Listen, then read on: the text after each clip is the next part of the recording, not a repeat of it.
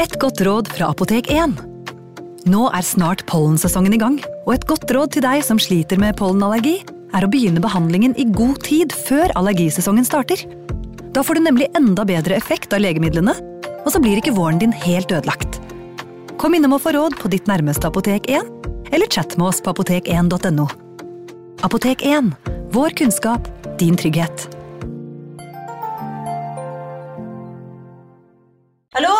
Jeg kommer fra Oslo politikammer. Ine Jansen er purk. Er du purk? The motherfucking bitch. Alt jeg vil, er å finne ut hva som skjedde med mannen min. Jon Carew. Er jeg sikta for noe? Iben Akeli. Det er du. Ole So, Lars Berrum og Big Daddy Karsten. Hvem sin side er du på, egentlig? Anette Hoff, Tone Danielsen, Kommer du fra Afrika? Jørnis Josef, Nesten. Kløfta. Trond Espen Seim, Det er synd å si det, men det var feil mann som døde. Purk. Premiere tirsdag på TV2 Play. Advarsel. I denne podkasten vil du høre historier basert på informasjon programlederne har funnet selv. Programlederne står ikke nødvendigvis inne for meninger og syn som fremstilles. Noen påstander kan avvike fra virkeligheten.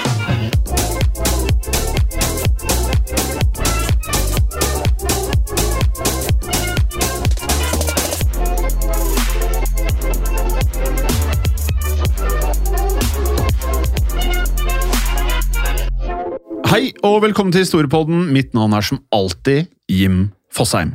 Du liker å si som alltid, Jim, fordi jeg kan bare si mitt navn er som vanlig Morten Ja. Galaasen.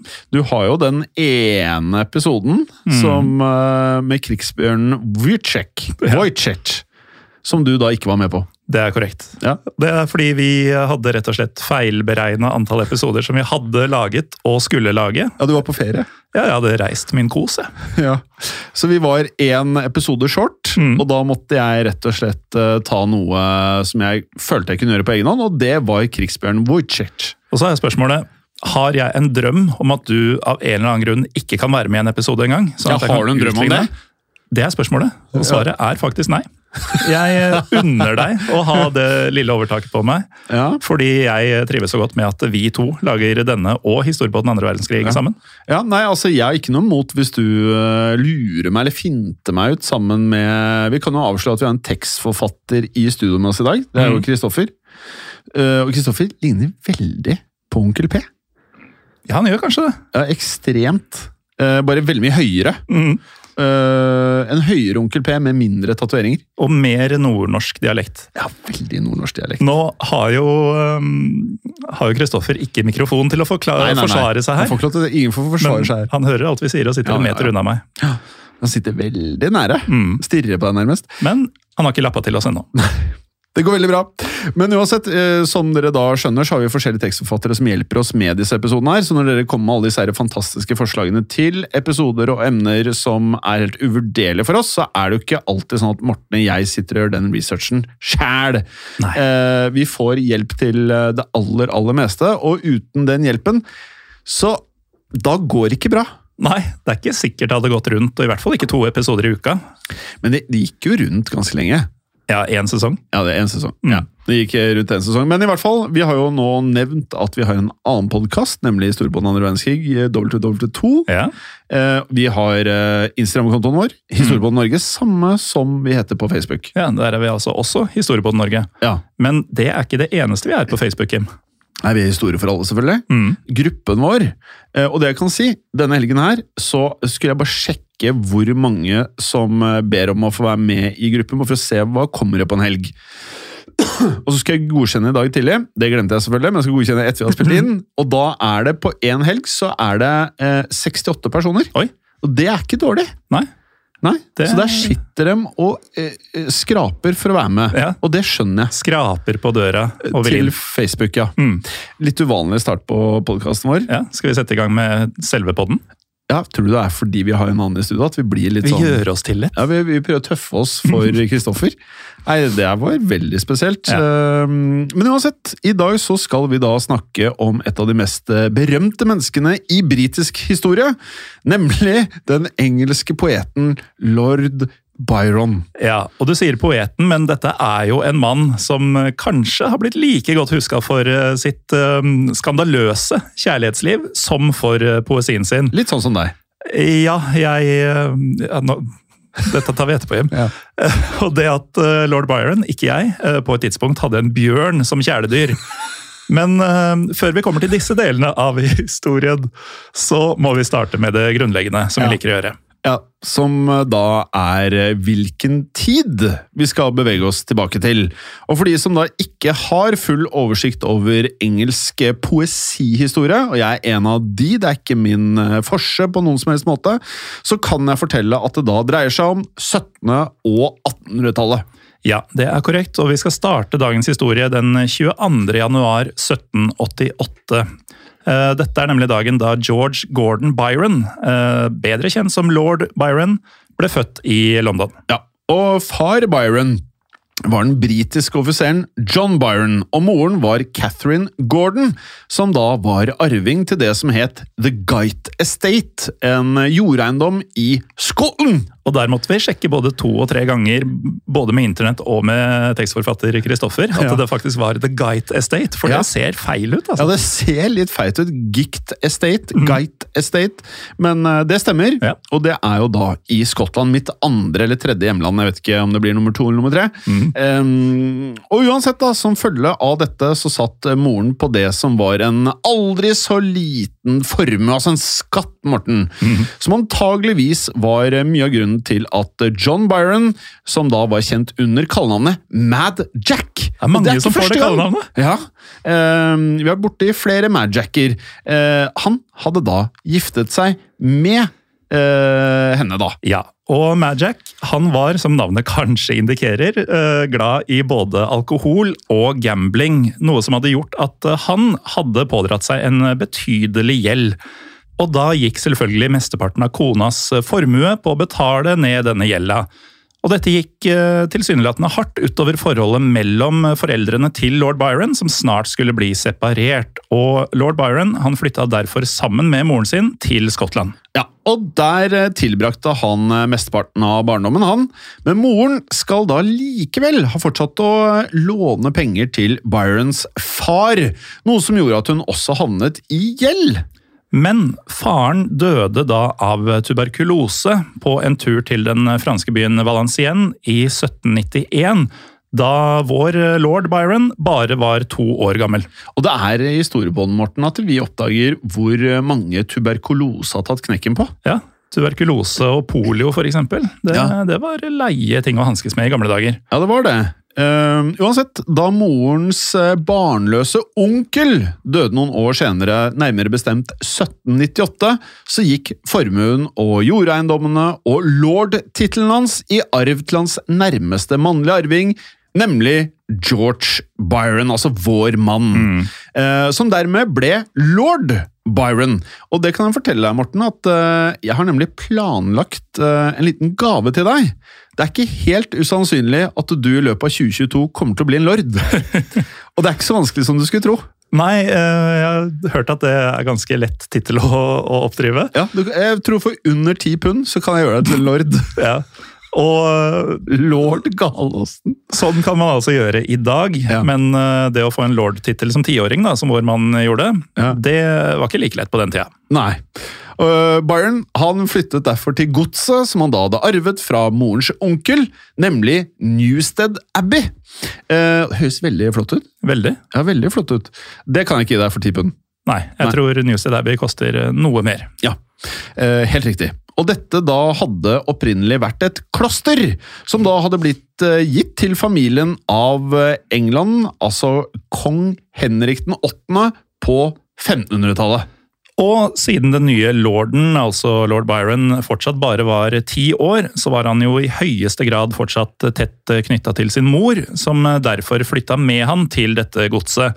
Men det skal sies at forholdet mellom mor og sønn her, det var ikke akkurat rosenrødt. For eh, selv om moren skal ha skjemt bort eh, Byron, så hadde hun også en tendens til å irritere han med det som Byron mente var hyppige humørsvingninger. Og um, Byron satte også særlig lite pris på morens eh, tendens til å drikke for mye alkohol.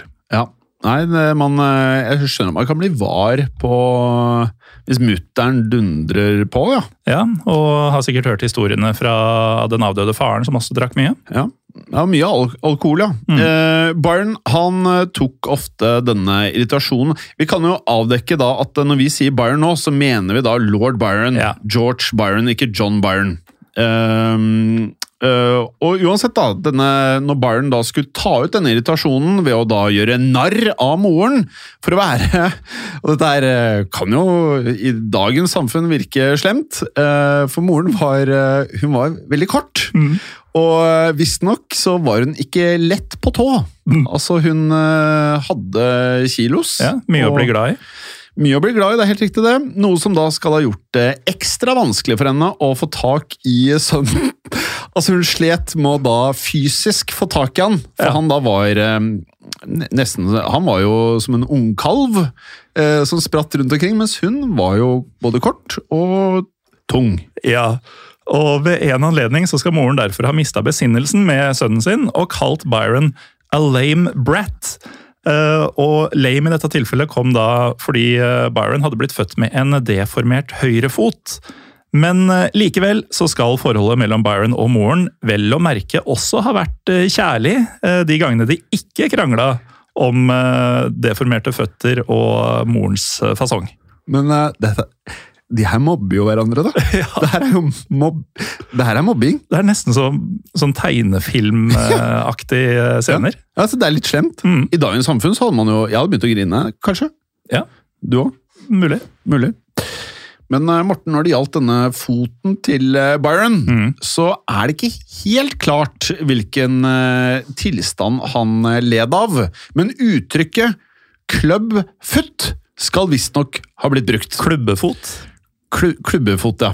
For å da beskrive det vi da nok i dag ville kalt et uh, handikap.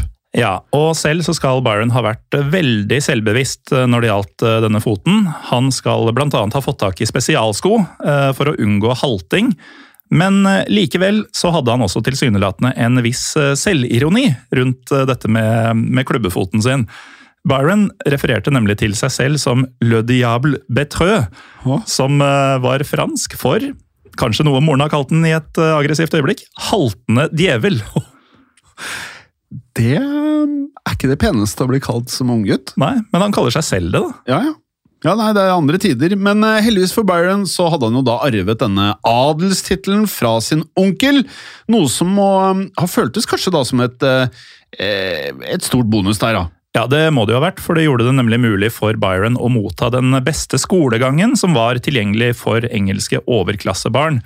Eh, Han ble nemlig sendt på en av Storbritannias mest prestisjefylte kostskoler, Harrow, der han gikk mellom 1801 og 1805, dvs. Si at han begynte der som 13-åring. Men i løpet av skoletiden så viste likevel ikke Byron seg å være noen toppelev. Noen ville kanskje sagt tvert imot. Kanskje det? Ja, for han utmerket seg verken på skolebenken eller i eh, sporten cricket, som da hyppig ble spilt da på kostskolen. Ja. I stedet for cricket og skolearbeid så ble Byrons oppmerksomhet fanget av den tre år eldre Mary Chaworth, som han skal ha forelska seg i under skoletida. Og Altså, Han var ikke fremmed der, altså. han var ikke det. Og ja, 13 år gammel, og der går hun 16 år gamle Mary? Mary. Ja, nei, Man kan bare tenke seg hvordan dette fungerte. Og til morens eh, frustrasjon så gjorde denne forelskelsen at eh, Byron rett og slett ikke tok skolegangen særlig seriøst. Men likevel ble Byrons forelskelse ikke returnert, og han eh, mottok rett og slett et avslag fra Mary. For eh, Byron så ble Mary derfor et symbol på en idealisert og uoppnåelig kjærlighet, som eh, senere skulle komme til uttrykk i poesien hans. Ja, det skulle det. Men selv om det ikke ble noe mer med denne Mary Chaworth, så viste Byron likevel ingen tegn på å skjerpe seg noe nevneverdig på skolen, Morten. Ehm, da han deretter tilbrakte tre år på toppuniversitetet Cambridge, så skal han da nemlig ha tilbrakt tiden sin med alt annet enn å studere. Alt annet er nok eh, riktig ordvalg, for Byron skal angivelig heller ha drevet på med boksing, hesteridning, gambling og ikke minst seksuelle eskapader. Aha! Eh, Da med noen andre enn Mary Chaworth, eh, antagelig. Men mye av dette her er jo boksing. Det er jo bra, på en måte. Mm. Eh, hesteridning kan være bra. Ja. Gambling Kanskje ikke alltid forbundet med det beste. Nei. Og, Og det de- siste kan jo gå begge veier. Ja, tenker jo at det ikke er utelukkende negativt, i hvert fall. Men eh, i tillegg til dette så var han også det man kan kalle en eh, dyrevenn. Mm. Eh, det har blitt sagt at de forskjellige kjæledyrene Byron skal ha hatt i løpet av livet, inkluderte følgende. Fem katter, ikke unormalt i løpet av et liv. Flere hester, uten at vi har noe tall på det. Ja. Heller ikke unormalt for en lord, vil jeg tro. Nei, tenker jeg er greit. Det blir verre nå. En rev. Ja, det Da tenker jeg ikke helt normalt nå, i hvert fall. Fire apekatter. Det er litt sånn Jeg har bare hørt Michael Jackson, andre historiske, Ja. historiske personer som har hatt aper. Og så hadde den diverse fugler. Eh, ikke nødvendigvis unødvendig, men inkludert i disse fuglene så var en ørn. Ja. Og det har jo heller ikke alle. Nei. Eh, det er heller ikke helt vanlig å ha grevling. Nei, det, det har jeg ikke hørt om før. Eh, og så hadde han en geit, eh, og det hører jo kanskje med på et gods eh, som han Ja vel bodde på, men denne geita hadde da et skada bein. Og mm, alle disse kjæledyra, unntatt hestene, skal da ha bodd innendørs, altså i huset sammen med lord Byron. Ja. Ja, nei, altså Det var en litt annen variant, dette her. Så mm, var det sånn at favorittkjæledyret var likevel hunden Boatswain. Og så kan jeg legge til da at eh, når Boat Boatswain døde, så skal da Byron ha bestilt et eget gravmonument til Boatswain. Ja, Så med andre ord så var eh, lord Byron det man kan kalle et eh, hundemenneske. Ja, eller dyremenneske. Mm. Ja. Eh, og ettersom det da var eh, forbudt å ha hund som kjæledyr på universitetet, eh, altså på Cambridge, så ble da Byron eh, naturligvis eh, frustrert. Eh, og de fleste av oss ville jo da kanskje latt eh, det være med frustrasjonen, men Byron, han valgte å ta affære. Ja, og da tenker man kanskje sånn Å, han organiserte seg i eh, studentorganisasjonen for å få endra regelverket, eller noe sånt. Ja. Det var ikke helt det han gjorde. Um, For det viste seg nemlig at det var visse typer dyr som det ikke sto noen ting om i regelverket til Cambridge. Altså Det sto eksplisitt du kan ikke ha hund her, men det sto ingenting om du f.eks. kunne ha bjørner. Ja. Så på ren trass så skaffa lord Byron seg derfor en tam bjørn som kjæledyr, som han da tok med seg på universitetet for å vise sin misnøye mot eh, nettopp hundeforbudet. Det her liker jeg egentlig. Mm. Ja, det, han gjør jo rett. Ja. Han, eh, og det er liksom litt sånn typisk en elev som ikke fungerer ordentlig på, i, i det vante skoleløpet. da, Som eh, likevel viser å ha veldig oppfinnsomme evner og gjennomføringsevne. Ja da. Eh, så da ble det jo et vanlig syn på campus at Byron gikk tur med bjørnen sin, som han da hadde i bånd. Og siden det var vanlig at eh, studentene bodde på universitetet under semestrene, så skal bjørnen derfor ha bodd eh, på campus sammen med Byron. Og jeg vil vel uh, tro at dette var til uh, universitetsledelsens store, store irritasjon og frustrasjon. Jeg- jeg begynner å tenke litt sånn, uh, sånn klassiske gammeldagse college-komedier. Ja. Hvor The Dean er sånn ond og irritert på disse foreningene. Sånn Ja. Phi Beta Gamma sine stunts. Og alle som ikke er konvensjonelle i oppførselen, Mm. de er utskudd. Ja, det er sånn tidlig 1800-tallsversjon av Animal House, for eksempel. Ja, for eksempel. Men når eh, Byron ikke befant seg på universitetet, så skal han også ha tilbrakt tida si hjemme hos moren i tidligere nevnte Newstead Abbey. Dette var da dette godset som du ikke hadde råd til å kjøpe til meg hjem. Og om Byron da tok med seg bjørnen hjem til mor, det sier kildene våre dessverre ikke noe særlig om. Men vi håper jo at han gjorde det. Vi håper jo at eh, moren satt og klappa bjørnen i skoleferiene. Men i løpet av disse hjemmebesøkene sine så ble Byron venn med søsknene Elisabeth og John Pigott. Eller Pigot. Eller Pigot. Ja, Pigot, uh, Peugeot Det er vanskelig å si. Ja, det, det skrives P-I-G-O-T. Uansett, det var særlig da Elisabeth som da dyttet, altså hun pushet Byron i retning av det han senere skulle bli kjent for, nemlig poesi. Ja, for eh, sterkt oppmuntra av Elisabeth eh, Pigott, så begynte Byron å produsere store mengder med nettopp eh, poesi. Og den første samlinga med dikt produsert av Byron, som het Hours of Idleness, ble deretter publisert i 1807, da han bare var 19 år gammel. Ja, og i 1809 ble han også myndig og tok plassen sin i det britiske parlamentet som en del av det som da kalles House of Lords. Det kan jeg heller ikke skaffe deg, Morten. Mhm. eh, som da er eh, reservert den britiske adelen. Jeg syns alltid, når man hører om eh, britisk politikk i nyhetene nå, Ja. at det er så rart at de fortsatt har House of Lords i disse dager. Ja, det er veldig snålt, men jeg liker det også litt. Det er eh, særegent. Ja, det er greit. Eh, I tillegg så ga Byron ut eh, enda en diktsamling der han eh, kritiserte datidens poesimiljø. Og dette skulle bli karakteristisk for Byron, som ofte brukte pennen sin til å fornærme andre poeter. Og det er litt gøy. Han er liksom, det er litt sånn Twitter i dag, dette her. Ja. Ja.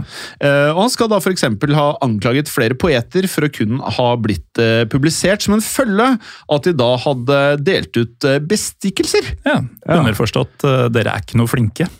Ja, dere er bare ræl. Ja. Eh, Og dette skapte jo selvfølgelig en del bråk og støy rundt Byron, som på beleilig vis bestemte seg for å dra ut på det man kalte en grand tour. Og En grand tour på denne tiden var en form for internasjonal dannelsesreise som unge overklassemenn gjerne foretok på denne tida. Eh, Dette er jo et konsept som eh, for øvrig har inspirert faktisk eh, TV-serien The Grand Tour, ja. med nettopp det navnet, som da er oppfølgeren til Top Gear med Jeremy Clarkson. ja, det visste jeg faktisk ikke. Uh, uansett, Byron satte da uh, ut på sin egen Grand Tour i 1809. Han reiste da sammen med den eh, nære vennen John Cam Hobhouse, som han da hadde møtt i studietiden på Trinity College. Og De to vennene de seilte først i Portugal, krysset Spania på veien til Malta, før de så tok seg frem til Hellas og Albania.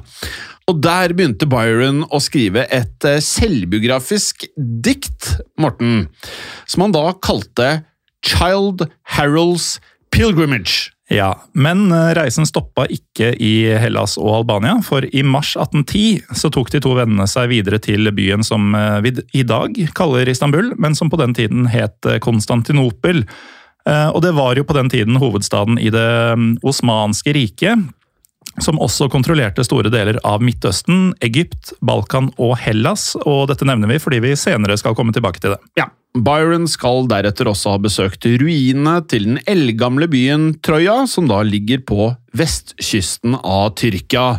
Og det er da selvfølgelig snakk om samme Troja, som da skal ha vært opphavet til den antikke greske historien om trojanerkrigen.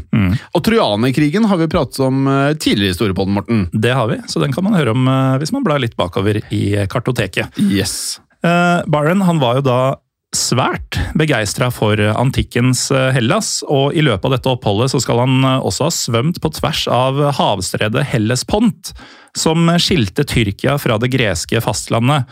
Og dette var en handling som visstnok var inspirert av en helteskikkelse som skal ha gjort det samme i en av de gamle greske mytene.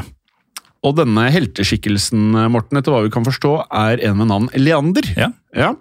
Uh, uansett, strekningen som Byron uh, svømte, skal etter hva vi da kan uh, forstå eh, utgjøre 6,5 km med ganske røft farvann. Ikke noe for deg. Nei, det høres mer ut som noe helteskikkelsen Leander kunne finne på, enn du eller jeg eller en overklassepoet. Eh, Ja, det er jeg helt enig i. Eh, Og så kan vi jo sette litt i kontekst, for at eh, dette her utgjør ca. samme lengde i rett luftlinje som hvis du skulle dratt fra Grünerløkka til Ikea på Furuset. og den strekka følger du har tatt før.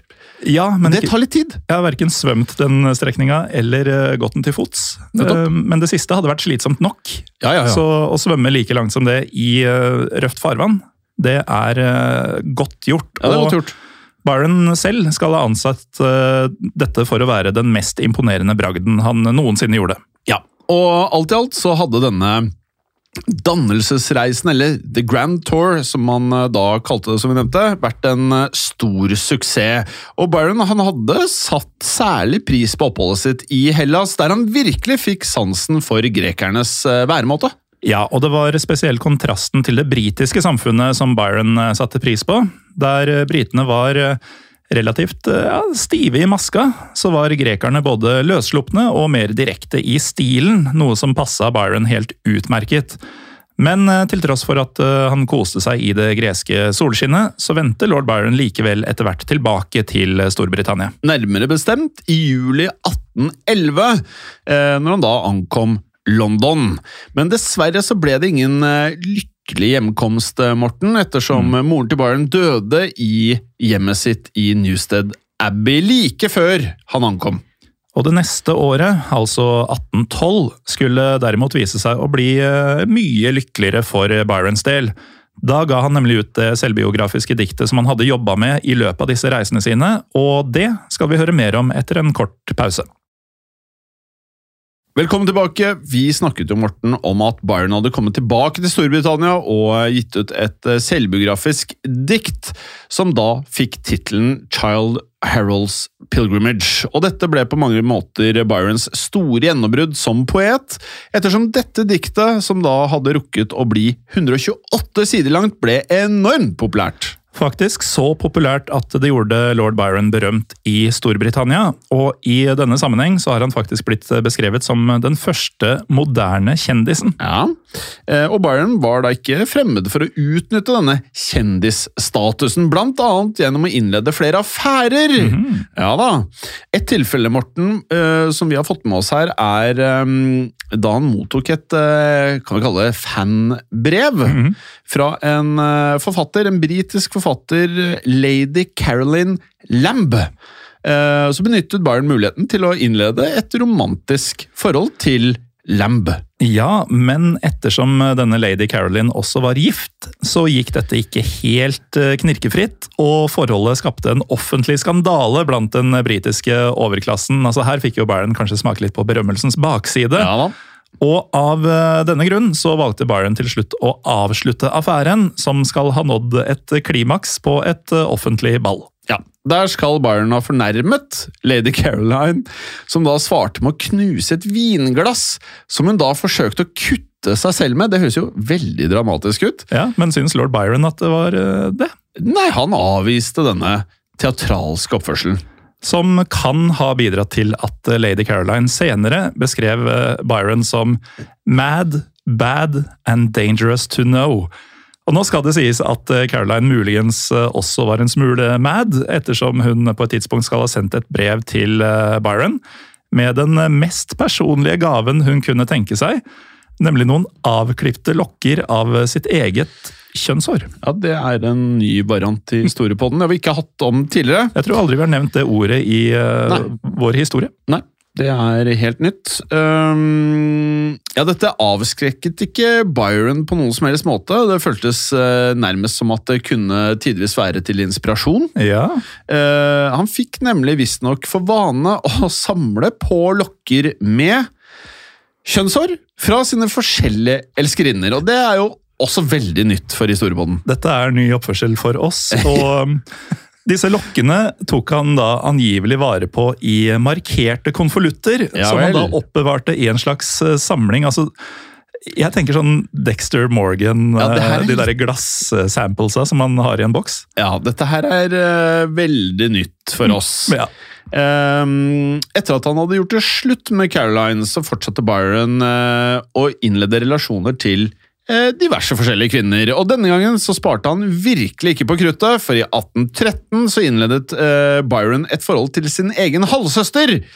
Og halvsøsteren het Augusta. Og mm. Augusta var da eneste datter av Byrons far, og de to søsknene skal da faktisk ikke ha møtt hverandre før Byron var i et Dere vet hvordan det er med eldre historie? Mellom 13 og 17-årsalderen. Ja, men da de først møttes, så skal Byron tydeligvis ha blitt ganske betatt, og han skrev bl.a. flere dikt om sin da halvsøster Augusta. Eh, og Etter hvert så ble det mer enn bare diktgim, for eh, dette forholdet skal muligens ha resultert i at Byron fikk et barn mm. med halvsøsteren, uten at dette farskapet noen gang ble 100% bevist. For det skal nemlig ha vært i hele familiens interesse naturligvis, å holde dette skjult for å unngå enda en offentlig skandale. Ja, og Ettersom Augusta i tillegg var gift, som vi da nevnte tidligere, så forsøkte Byron angivelig etter hvert å distrahere seg fra den eh, farlige fristelsen denne affæren representerte. Og det gjorde han da ved å forsøke å innlede enda et forhold, denne gang til lady Frances Webster, som også var gift. Men eh, hun skal ikke ha vært villig til å gå bak ryggen på ektemannen, i motsetning til mange av de andre damene lord Byron kurtiserte. Til tross for at uh, også hun falt for han. Um, så de to skiltes derfor som venner. Man får jo veldig inntrykk av at han var en sjarmør, Byron. Ja, Han virker å ha hatt draget, som han sier. Ja, Voldsomt, egentlig. Mm. Um, men ryktene om Byrons affærer, både med halvsøster og lady Frances, begynte likevel å gå. Mm. Uh, og da hjalp det antageligvis ikke at Byron skrev flere romantiske dikt som skal ha vært basert på nettopp disse hendelsene. Et av disse diktene som Byron ga tittelen The Corsair Mm.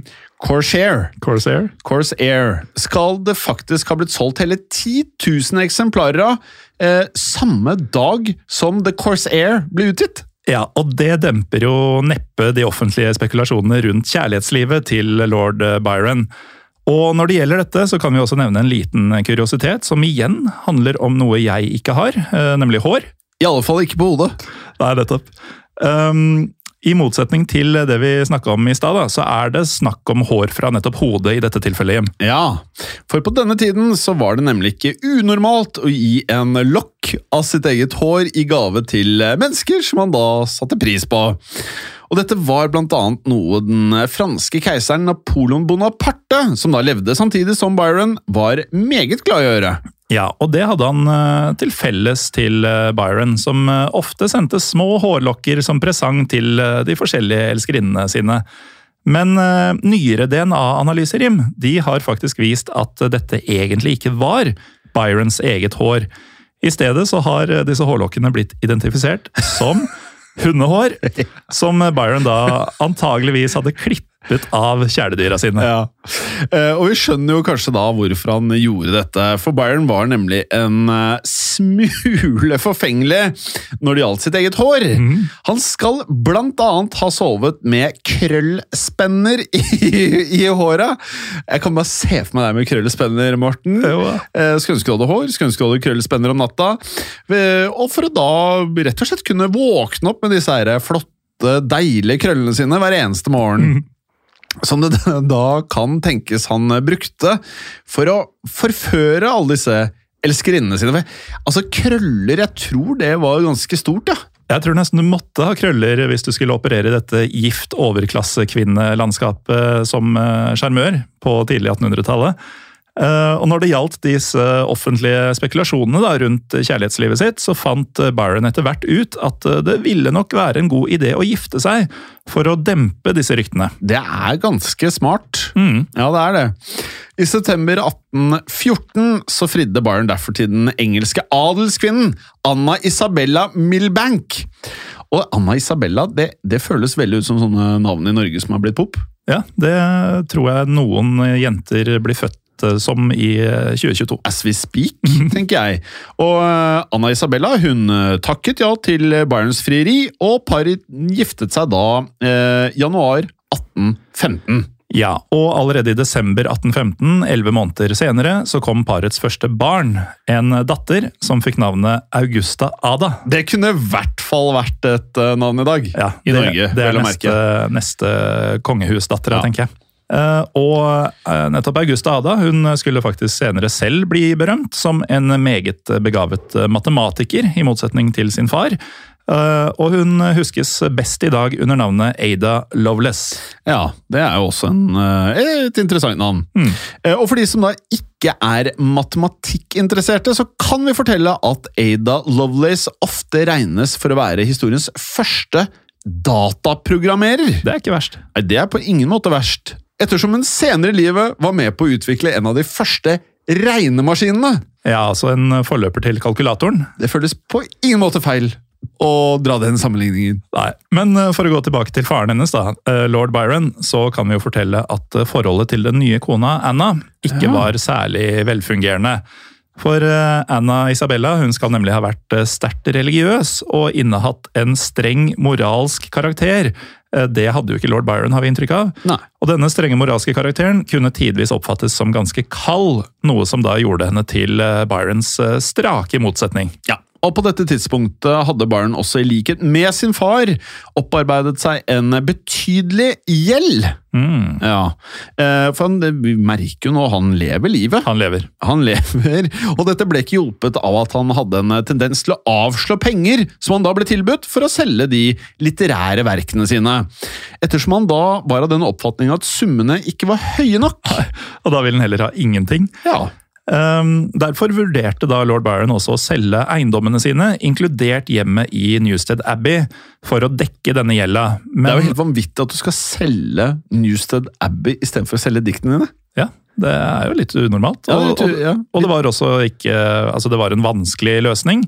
Eh, Byron tok derfor ut mye av frustrasjonen over de økonomiske vanskelighetene på kona Anna Isabella. Ja, for han skal da i økende grad ha begynt å drikke alkohol, samtidig som han fikk eh, hyppige humørsvingninger. Og dette er jo da, altså Mye drikking drev både mor og far med, og disse humørsvingningene beskyldte han jo moren for å ha i sin barndom. Ja, og konen hans ble jo da offer for dette her. Og Byron skrev blant annet på et tidspunkt et eh, brev til halvsøsteren sin Augusta, der han uttrykte sin mistanke om at konen da hadde rett og slett eh, eh, brutt opp låsen på skrivebordet hans og undersøkt skrivebordsskuffene hans. Og kona Anna hun ble på dette tidspunktet faktisk så bekymra for eh, situasjonen at hun etter hvert ble overbevist om at eh, ektemannen, altså lord Byron, rett og slett hadde blitt sinnssyk. Så hun skrev derfor eh, også et brev til Byrons halvsøster Augusta, som resulterte i at eh, Augusta skjønte at eh, her er det noe som foregår. Eh, Hun reiste til Byrons hjem for å hjelpe. Ja, og Augusta skal da ha blitt overbevist om at Byron nå hadde mistet all forstand, ettersom han da oppførte seg på Han var hissig! Meget hissig. Ja, han var hissig, Eh, og det resulterte i at eh, Anna da inviterte en lege på besøk for å undersøke Byron, som da ikke ble fortalt den egentlige grunnen til at denne legen hadde kommet på besøk. Nei. Eh, Anna skal da ha blitt eh, overbevist om at Byron muligens led av sykdommen hydrocephalus, eh, eller vannhode, som er en tilstand der mengden væske i hjernen økes. Men det virker likevel ikke som en god forklaring på Byrons oppførsel, som i dag heller kan mistenkes for å ha vært et resultat av en bipopulær lidelse. Ja, Som jo da vekselvis forårsaker både dype depresjoner og perioder med en høy grad av lykke. Ja, og dette ble til slutt eh, for mye for eh, kona, som tok med seg datteren eh, Ada og flytta hjem til foreldrene sine. Og Byron han skulle deretter aldri se kona igjen, og paret skilte seg formelt i mars 1816. Ja, Det formelle grunnlaget for skilsmissen skal da ha vært at konen hadde begynt å mistenke at Byron hadde et romantisk forhold til halvsøsteren Augusta, i tillegg til affærer med andre menn. Oi, Ja, Ja, for det begynte jo å gå flere rykter i Storbritannia om eh, Byrons eh, angivelige biseksualitet, så vel som da dette forholdet til halvsøsteren. Og dette var jo noe som skapte så stor skandale at eh, Byrons renommé ble nærmest ødelagt. Og for å komme seg vekk fra dette her, så valgte Byron igjen å reise til utlandet. Og denne gangen skulle han faktisk aldri komme tilbake til hjemlandet igjen i live. Byron han seilte ned elven Rhinen og endte opp i Sveits, nærmere bestemt i Genéve. Og her bosatte Byron seg en periode i nærheten av dikterkollegaen, og her er jeg ikke 100% sikker på hvordan man uttaler navnet her, men det er i hvert fall Percy Bysshe, Ja, eller Bysh. Altså, eller, eller Boucher. Ja, altså Det skrives B-Y-S-S-H-E. Ja. Det er nesten umulig å gjette seg til hvordan dette her uttales. Jeg tenker Percy Boucher Shelley. Shelley. Shelley, i hvert fall. Percy Shelley, med dette umulige mellomnavnet. Ja, Percy Bysshe Shelley og konen Mary Wollstonecraft Shelley. Og Mary Shelley det er jo da forfatteren bak boka Frankenstein. Ja. Eh, For øvrig begravet i eh, en av mine favorittbyer, Bournemouth. Å ja. Der har du vært opptil flere ganger. Nettopp. Og hit kom også eh, denne vennen som Byron hadde reist med tidligere, nemlig John Cam Hobhouse. Og sammen med Hobhouse så reiste Byron deretter til Venezia, mens han på veien fortsatte å produsere en dose poesi. Blant annet et dikt som tilsynelatende argumenterte, Morten, for at utroskap egentlig ikke var så gærent. Ikke veldig overraskende at han inntar det standpunktet. Nei, han måtte jo ha det standpunktet, for det var jo livet hans, dette her. Og at eh, England hadde litt å lære av Italia, som hadde et mer løssluppent forhold til seksualmoral. Ja, og Vi har nå for øvrig kommet fram til året 1818, som var året da Byron omsider solgte hjemmet Newstead Abbey for den nette sum av 94 000 pund. Og det tilsvarer i dag over 100 millioner kroner, ca. 103 millioner. Det er meget. Det er meget, og dermed så ble jo også Byron kvitt eh, gjelden endelig, som han hadde pådratt seg, som hadde vært på 34 000 pund. Eh, som i dag ville utgjort 37 millioner, så han gikk jo bra i pluss her også. Ja da. Og som du sier, Morten, så gikk han jo eh, meget til pluss her også. Mm. Eh, Og med det så var han jo fri fra sine økonomiske bekymringer, og med det så satte Byron derfor i gang arbeidet på det som skulle bli hans mest berømte verk, nemlig dikteposet Don Juan, som i dag anses som et mesterverk. Ja, og det diktet handler jo om en kvinnebedårer, nettopp ved navnet Don Juan, og verket ble til slutt eh, 66 500 ord langt. Og for å sette det i perspektiv, Jim, så er en bok du helt sikkert har lest, eh, The Mange Hobbit. ganger, kan jeg fortelle. Ja, The Ja. Hobbit av eh, Tolkien, Ja. på 95 000 ord. Jeg har faktisk lest Hobbiten mang en gang, sett filmene mang en gang. ja, det, er, det ikke en eh, tynn bok eller en kort historie. Nei, den er brukbar, ja. Men eh, Byron rakk likevel aldri å fullføre Don Juan før han eh, døde. Men ettersom kapitlene ble publisert eh, fortløpende, så skapte diktet likevel stor eh, ståhei, mens Byron fortsatt var i live. Ja, for Don Juan ble både meget populært, samtidig som diktet også gjorde at Byron ble kritisert for å være umoralsk. Og ettersom Byron gjorde narr av flere kjente personligheter i teksten, i tillegg til at han igjen tok for seg utroskap som et tema. Og i typisk eh, Byron-stil så ble da temaet utroskap eh, fremstilt i positivt eh, lys, noe som ikke falt i smak blant den britiske overklassen. Men selv om det gikk bra med boksalgene, gikk det kanskje ikke fullt så bra med Byron selv på dette tidspunktet, Gallosen. Nei, i 1818 så ble flere av vennene hans bekymra, ettersom han hadde endra seg en god del rent fysisk på kort tid. For den eh, 1,75 meter høye Byron hadde faktisk nå gått fra å veie så lite som eh, 60 kilo, til å veie 89 kilo, og det er jo i praksis en økning på 50 Jim Det er meget. på relativt kort tid. Og i tillegg så hadde han fått eh, langt hår, som visstnok hadde begynt å bli grått. Eh, Han skal dermed ha begynt å se eldre ut enn eh, sin faktiske alder, som på dette tidspunktet faktisk bare var 30 år. Det høres ut som han har levd ganske mye på disse 30 årene. altså. Det gjør det. Ja. Eh, Byron skal i tillegg da ha fortsatt å leve en promiskuøs livsstil. Han fikk blant annet en datter etter en affære med Claire Clermont, som var stesøsteren til Mary Wollstonecraft Shelley. Eh, og Claremont hun sendte deretter datteren for å leve med Byron, som likevel ikke var spesielt interessert i eh, noen form for barneoppdragelse. Det var han ikke, så han overlot derfor heller datteren til et eh, nonnekloster. Hvor den samme datteren døde av feber i en alder av fem år. Samtidig så hadde Byron funnet seg en ny elskerinne, den italienske grevinna. Altså, det går unna. Det går unna. Ja, det gjør det. Og altså, jeg sa italiensk grevinne. Uh, blir ikke mer italiensk enn dette. Jim. Teresa Giuccioli. Åh, Teresa Giuccioli. Tror du hun var eh, singel da de møttes, eller? Nei, det hadde blitt rart. Nei, hun var selvfølgelig også gift, men det var jo som vanlig ingen hindring for lord Byron. altså, han var notorisk, altså. Eh, Men i året 1822 hadde Byron likevel gått lei av tilværelsen i Italia, og begynte da å lengte etter et uh, nytt eventyr. Ja, og vi sa jo tidligere i episoden at vi skulle tilbake til det at det osmanske riket på denne tiden kontrollerte Hellas. Og Jim, du er jo halvt gresk. Kan ikke du si litt eh, om bakgrunnen her? Jo, det var nemlig slik at eh, mange grekere ikke trivdes under det osmanske styret, og heller ønsket seg et selvstendig Hellas. Det oppsto derfor en nasjonalistisk frigjøringsbevegelse i Hellas. Og slike nasjonalistiske frigjøringsbevegelser ble jo ganske utbredte i løpet av 1800-tallet i forskjellige land som ønska å bli selvstendige, annet også her i Norge. Der vi jo fikk Grunnloven på Eidsvoll som et uttrykk for det norske ønsket om selvstendighet fra Danmark. Stemmer det.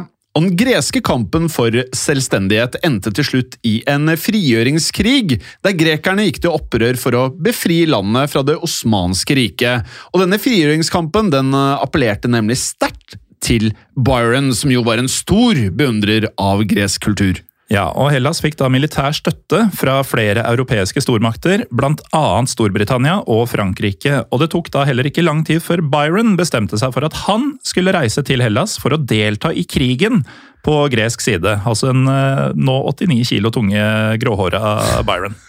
Ja. Og I juli 1823 så seilte Byron derfor til den greske øyen Kefalonia. Og der har jeg, eh, der har jeg vært. Det tror jeg på. Eh, på gresk så sier man Kefalonia. Mm -hmm. ja. eh, og Samtidig så donerte Byron 4000 pund fra egen lomme for å hjelpe å ruste opp den greske marinen. Og I dag ville jo dette tilsvart noe sånn som 4-4,5 millioner kroner. Det er jo ja. ikke så mye sånn, egentlig. Nei, men det er jo en del noe, fra ja. egen lomme da. Ja da. til et lands militær som ikke er ditt eget land engang. Ja da. Uh, og I desember uh, 1823, altså fem måneder senere, så satte Byron kurs for det greske fastlandet, der han fikk kommandoen faktisk over en brigade med greske soldater, som visstnok var blant de tapreste i hele den greske hæren. De neste månedene tilbrakte han derfor med å trene opp disse soldatene til kamp. Det, er, det jeg tenker på, du, er, Har du samme følelse at det veldig ofte når vi liksom konverterer pengene til kroner og inflasjonsjusterer, så blir ofte summene så ekstremt store? Mm. Mens her så var det sånn, var sånn midt på treet. Ja, Dette er sånn sum et enkeltmenneske med penger faktisk kan gi. Ja. Ja, faktisk. Uh, uansett så var det dessverre slik for Byron at han aldri fikk muligheten til å lede denne brigaden i kamp mot fienden. For i februar 1824 så ble Byron syk, for han så pådro seg en kraftig feber i april. Og det var en feber han aldri skulle komme seg til hektene fra igjen. Det stemmer, Jim. For den 19. april 1824 så døde lord Byron av sykdommen i den greske byen Missilongi. Han var da bare 36 år gammel. Det er en by jeg aldri har hørt om. Ikke jeg heller. Nei. Og den låter jo mer italiensk enn gresk, sånn ved første øyekast. Ja, det er ikke så langt uh, det, er ikke, det, er ikke, så mye som skiller de to landene. Nei, det er ikke det. Sånn geografisk. Mm. Og nå, Morten, så uh, skal jeg fortelle litt om hvor mye Eller hvor høyt anseelse Byron var blant grekerne. Kommer det noe rart nå, igjen? Ja! Det er jo mye rart i, denne, i dagens episode. Mye mm. annerledes, Ja. vi liker det. Mye kuriøst. Um, La oss da bare tilføye først da at Byron eh, ble husket som en gresk nasjonalhelt for da denne innsatsen under denne frigjøringskrigen. Mm. Og så ble hjert, altså hjertet til Byron ble da tatt ut av kroppen hans, og så ble dette hjertet da begravet under et tre i Hellas, mens resten av Byrons legeme da ble fraktet hjem til Storbritannia. Så de tok ut hjertet, det ble under et tre i Hellas, og kroppen ble sendt til Storbritannia. Ja, eh, Jeg nevnte jo i stad at eh, Mary Shelley eh, er begravd i Bournemouth. Ja. Hun var jo veldig glad i denne Percy Shelley, som også var nevnt tidligere her. Ja. Og hvis man går til den graven, så står det at det er jo flere som er i samme grav som Mary Shelley. Blant annet Percy Shelley, så står det i parentes 'heart only'. Wow! Så der skal også hjertet til Percy Shelley være, uten at eh, resten av kroppen hans er det. Det kan nesten virke som det var vanlig, eller at det var en ting, da, at Ja. man tok ut hjertet, og det gikk ett sted, og så gikk kroppen et annet sted. Det virker jo nesten sånn. Huh. Og I Storbritannia så ble han faktisk nektet en begravelse både i den store katedralen, St. Paul's Cathedral i London, i tillegg til kirken Westminster Abbey. Og Presteskapet satte nemlig ned foten her, ettersom de mente at Byron hadde levd et svært umoralsk liv. Og det kan vi jo på sett og vis forstå, tatt tiden til betraktning. Ja, de, de har jo et poeng, men eh, likevel så ble lord Byron til slutt gravlagt i Byron-familiens eget gravhvelv i nærheten av hans gamle hjem Newstead Abbey. Og uansett om eh, lord Byron ble ansett for å ha vært eh, umoralsk, så huskes han fortsatt som en av de aller største poetene i britisk historie. Ja, øh, og Er det lov å si at dette er en av de mest kuriøse og merkstodige episodene så langt i 22? I 22, så ja, enig. Og den Eh, kan vel på sett og vis Den kan jo konkurrere der ute med de andre, noen av de villeste vi har hatt. Ja, så Det som er spesielt med denne historien, her, er at det er hele tida ganske rart. ja. Og, og han, han gikk sin egen vei. Ja, Det kan du trygt si. Ja. Han eh, jeg lurer på hvem som på en måte gikk den veien før han. Det kan ikke ha vært mange. Men uh, uansett, uh, det der med at han sov med Altså basically en permanent Mm. det, altså Jeg tror han var fjong. Jeg tror han så bra ut. Ja. Vi, vi har jo bare sett malerier av han Mm. eh, når man googler han, men han så veldig flott ut. Ja, altså dette mm, dikteposet Don Juan. altså Det er sikkert ikke så mange som har lest selve diktet, men alle har jo hørt den referansen, som jo alltid brukes om eh, store kvinnebedårere. da. Og det er vel grunn til å anta at mye av eh, Don Juan handla om han selv, basert på det vi veit om livet hans. Det kan fort være, Morten. Og med det så har vi kommet til veis ende her i dagens episode. Ja, og Vi nevnte jo både Facebook og Instagram og Facebook-gruppe tidligere, men det vi ikke nevnte, var at vi setter jo stor pris på å bli rata inn. Ja! Både på um, iTunes og Spotify. Ja. Eh, Det er lov, og det er mulig å gi oss fem stjerner der. Ja, det er mulig, og det er lov, og vi har 4,9 i snitt. Mm. Så eh, det er ikke verst. Det er ikke verst. Men utrolig nok så har denne podkasten, altså vanlig historiebånd færre ratinger på Spotify enn historie på den andre verdenskrig. Og det har jo noe med at vi har hatt veldig mange av ratingene på iTunes fra før.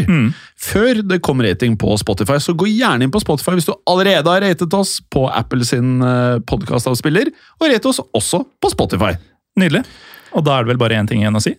Det har skjedd. Og det kan skje igjen. Ha det bra. Ha det. Historiepodden ønsker å takke følgende. Dere som hjelper oss som sitter i produksjonen. Dere som hjelper oss som sitter i redaksjonen, inkludert eh, tekstforfattere. Det er helt riktig. Og dere som sitter på marked, som faktisk da gir oss muligheten til å drive med historiepodden. Og selvfølgelig alle dere som hører på. Tusen takk. Moderne media. Har du et enkeltpersonforetak eller en liten bedrift? Da er du sikkert lei av å høre meg snakke om hvor enkelt det er med kvitteringer og bilag i fiken, så vi eh, gir oss her, vi. Fordi vi liker enkelt. Fiken superenkelt regnskap. Hei, og takk for at du lytter til Historiepodden. Skulle du ønske at du kunne høre en ny episode av Historiepodden hver eneste uke? Vel, da er det én ting å gjøre. Da kan du laste ned podkastappen Untold med det samme. For i tillegg til ukentlige episoder av podkaster som Historiepodden andre verdenskrig, Henrettelsespodden og også Gangsterpodden, så får du masse annet reklamefritt og også eksklusivt innhold. Last ned Untold i AppStore eller Google Play og start din 30 dagers gratis prøveperiode allerede i dag.